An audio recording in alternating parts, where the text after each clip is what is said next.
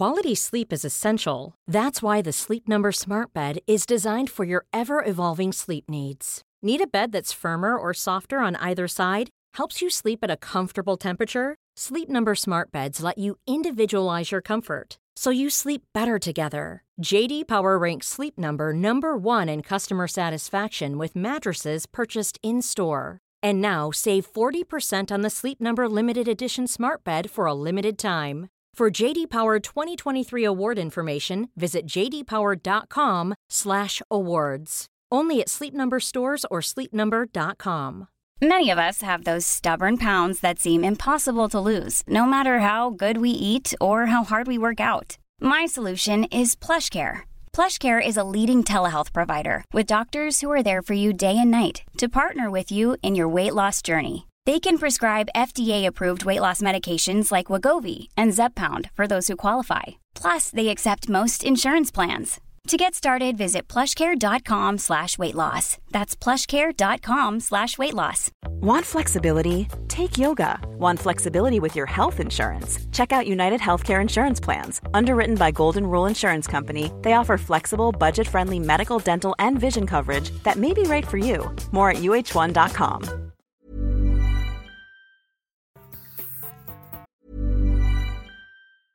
Okay, I have two new obsessions that I need to share with you. Impress No Glue Press On Manis and Impress Press On Falsies Lashes. Trust me, these are getting ready game changers. Both require no glue, so there is no damage to your natural nails and lashes, no mess, and no annoying dry times.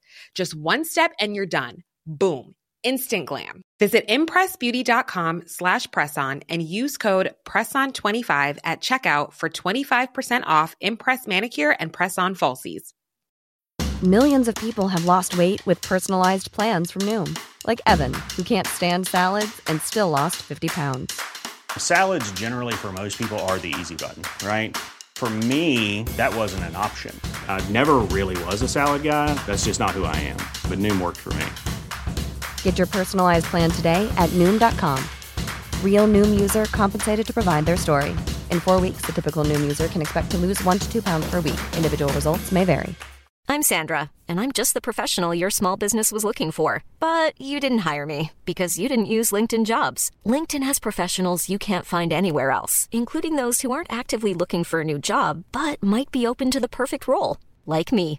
In a given month, over 70% of LinkedIn users don't visit other leading job sites. So if you're not looking on LinkedIn, you'll miss out on great candidates like Sandra. Start hiring professionals like a professional. Post your free job on linkedin.com/people slash people today.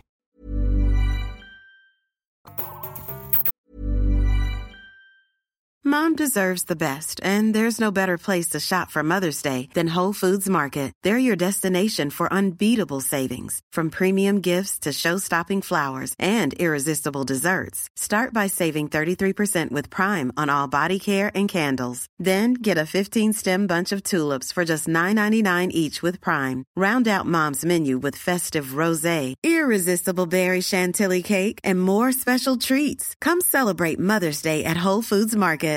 Flexibility is great. That's why there's yoga. Flexibility for your insurance coverage is great too. That's why there's United Healthcare Insurance Plans. Underwritten by Golden Rule Insurance Company, United Healthcare Insurance Plans offer flexible, budget friendly coverage for medical, vision, dental, and more. One of these plans may be right for you if you're, say, between jobs, coming off your parents' plan, turning a side hustle into a full hustle, or even missed open enrollment. Want more flexibility? Find out more about United Healthcare Insurance Plans at uh1.com. Even when we're on a budget, we still deserve nice things. Quince is a place to scoop up stunning high-end goods for 50 to 80% less than similar brands. They have buttery soft cashmere sweaters starting at $50, luxurious Italian leather bags, and so much more. Plus, Quince only works with factories that use safe, ethical, and responsible manufacturing. Get the high-end goods you'll love without the high price tag with Quince. Go to quince.com slash style for free shipping and 365-day returns.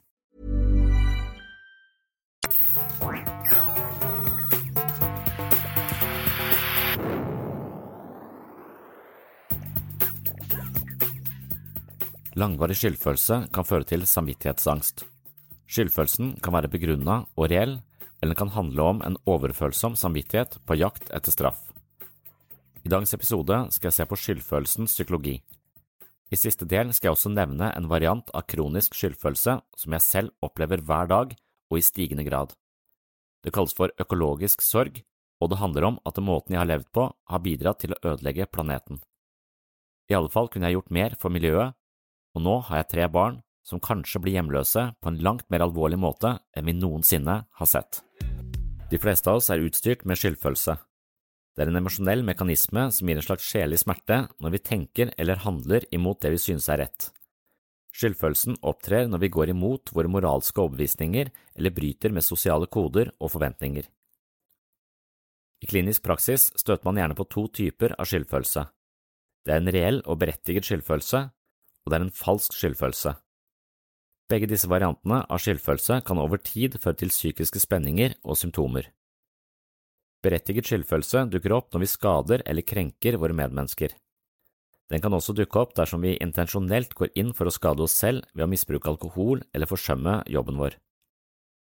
Eksempler på berettiget skyldfølelse kan være når vi unngår å besøke våre gamle foreldre, er utro, snyter på skatten, unndrar penger fra arbeidet, lyver for en god venn, for egen vinnings skyld, eller lever i sus og dus uten omtanke for miljøkonsekvensene. For mange er skyldfølelse blant de vanskeligste emosjonelle reaksjonene vi har. Det er en komplisert følelse, og evnen til å håndtere samvittighet og skyldfølelse er noe av det mest mentalt avanserte et menneske gjør. De som klarer å forholde seg til skyldfølelse på en adekvat måte, er psykologisk modne mennesker. Ofte er skyldfølelse noe vi forsøker å unngå, selv om den er berettiget, og vi gjør det ved å stikke hodet i sanda. Du har altså den berettiga skyldfølelsen, som er en følelse som dukker opp når vi har eh, begått en eller annen urett. Det er den følelsen som skal eh, justere oss i forhold til det sosiale og moralske landskapet vi hører til. Den berettiga skyldfølelsen er en følelse som dukker opp når vi har forbrutt oss mot våre moralske og etiske føringer, eller oppført oss på en måte som ikke er eh, sosialt akseptabelt eller eh, er spesielt eh, hensiktsmessig i et sivilisert samfunn. Så berettiget skyldfølelse det er en viktig følelse, og det er en viktig følelse å lytte til. Men så har man også den uberettigede skyldfølelsen, og den følelsen kan være et symptom ved lav selvtillit eller depresjon. Ved lav selvtillit har man gjerne en grunnleggende antakelse om at man ikke er like verdifull som andre.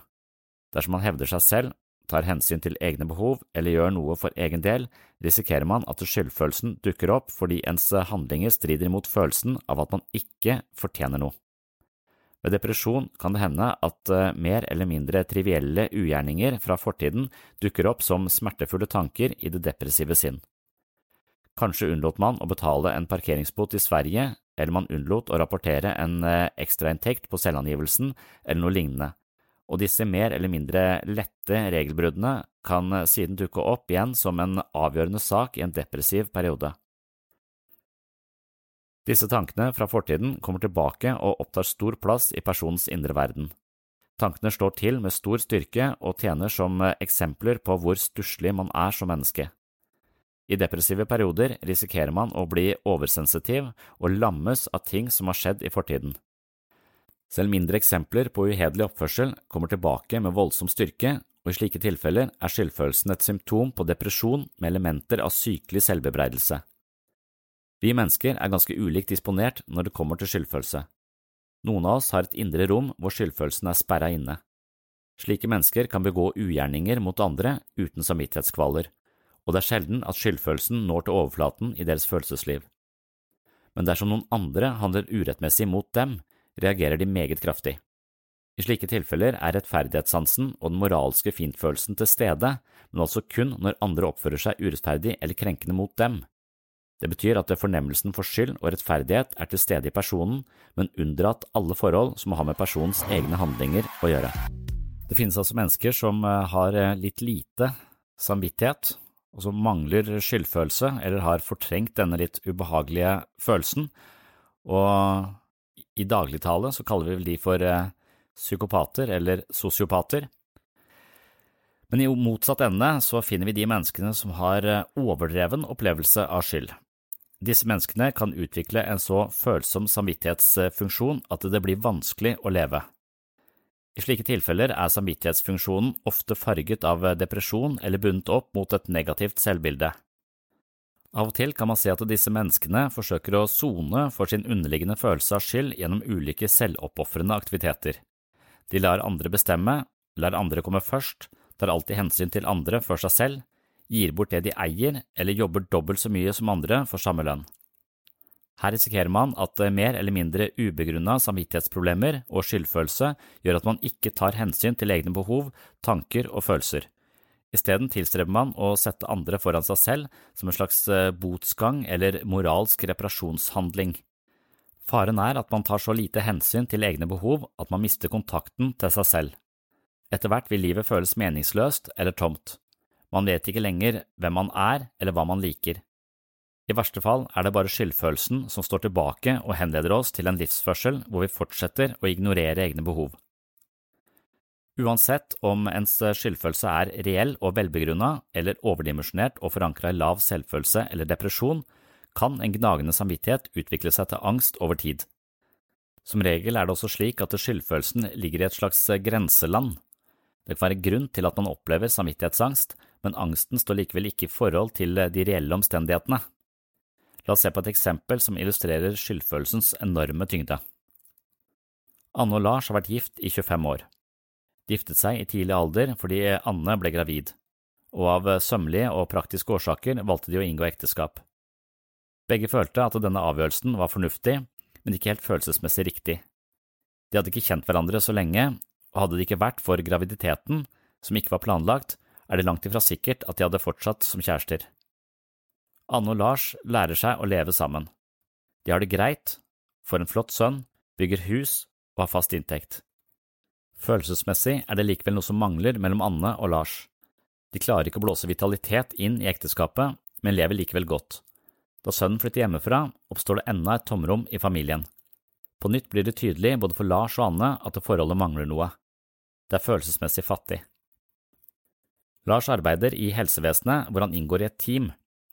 En yngre kvinne i teamet har et godt øye til Lars, og over en periode på et halvt år utvikler de et forhold. En nærmest stormende forelskelse er på gang, men Lars kvier seg på grunn av sine ekteskapelige forpliktelser. Til slutt forteller han Anne åpent om sitt kjærlighetsforhold på jobb. Sønnen forstår sin far og støtter ham, men Anne føler seg naturligvis kraftig forbigått.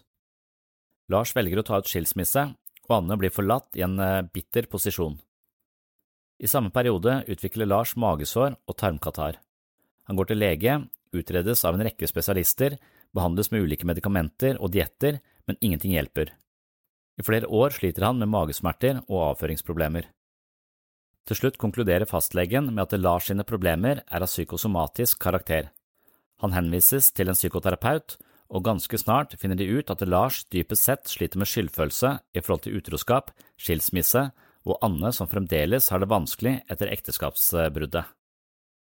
Lars aksepterer også en tolkning som går på forholdet mellom mageproblemene og skyldfølelsen, men selv om han i terapien både ser og erkjenner denne sammenhengen, forblir magesmertene like ille.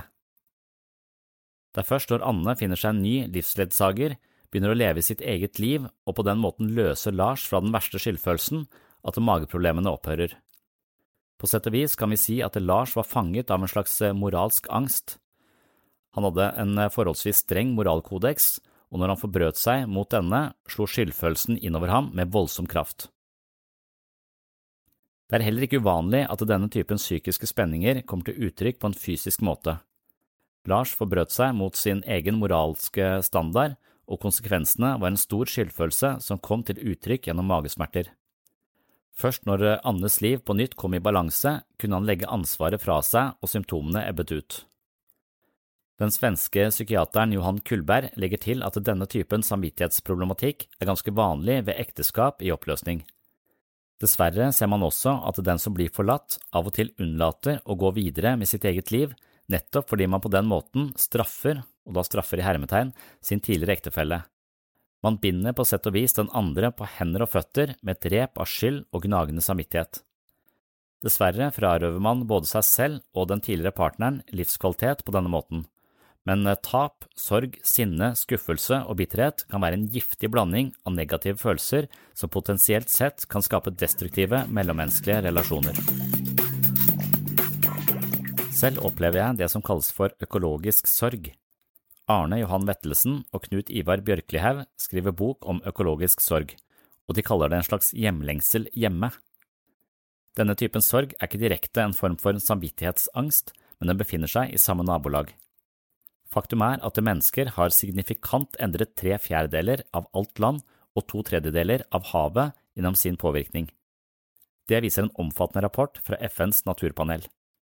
Den samme rapporten slår fast at én million arter er utrydningstrua som følge av menneskelig aktivitet. Urbane områder er doblet i størrelse siden 1992. Plastforurensning har økt med ti ganger siden 1980. Global oppvarming og klimaendringer truer matsikkerheten og naturmangfoldet. Økologisk sorg, eller økosorg, er et begrep som brukes mer og mer for å sette ord på noen av de negative følelsene knyttet til massive endringer i natur og klima. Det innebærer at man sørger over tap av natur, som i våre dager skjer i et tempo og et omfang som er historisk sett helt nytt. Vi tar inn over oss at en del av eh, det naturtapet er tap for alltid i form av eh, artsutryddelse og ødeleggelser av habitat. Dette er noe Vetlesen sier i et intervju. Han er filosof ved Universitetet i Oslo. Vetlesen poengterer følgende. Vi har en medvirkning og en skyld i at dette tapet foregår. Det kunne vært unngått hadde ikke vært for oss. Det gjør at det er ganske mange lag i denne sorgen. Det er nettopp dette aspektet som gir meg både dårlig samvittighet, en sterk følelse av sorg og en underliggende eksistensiell angst. Det er vanskelig, og kanskje helt feil, å føle glede over ting jeg tidligere opplevde som positivt. Ferie til Syden med familien, ny bil, oppussing av kjøkken osv. er ting som gir meg en stadig sterkere følelse av forakt for meg selv og menneskeheten. Særlig på natta, når min yngste datter har sneket seg inn i senga og ligger ved min side og puster tungt, så tenker jeg at hun kanskje ikke har noe sted å bo når hun blir eldre, og det er blant annet min feil.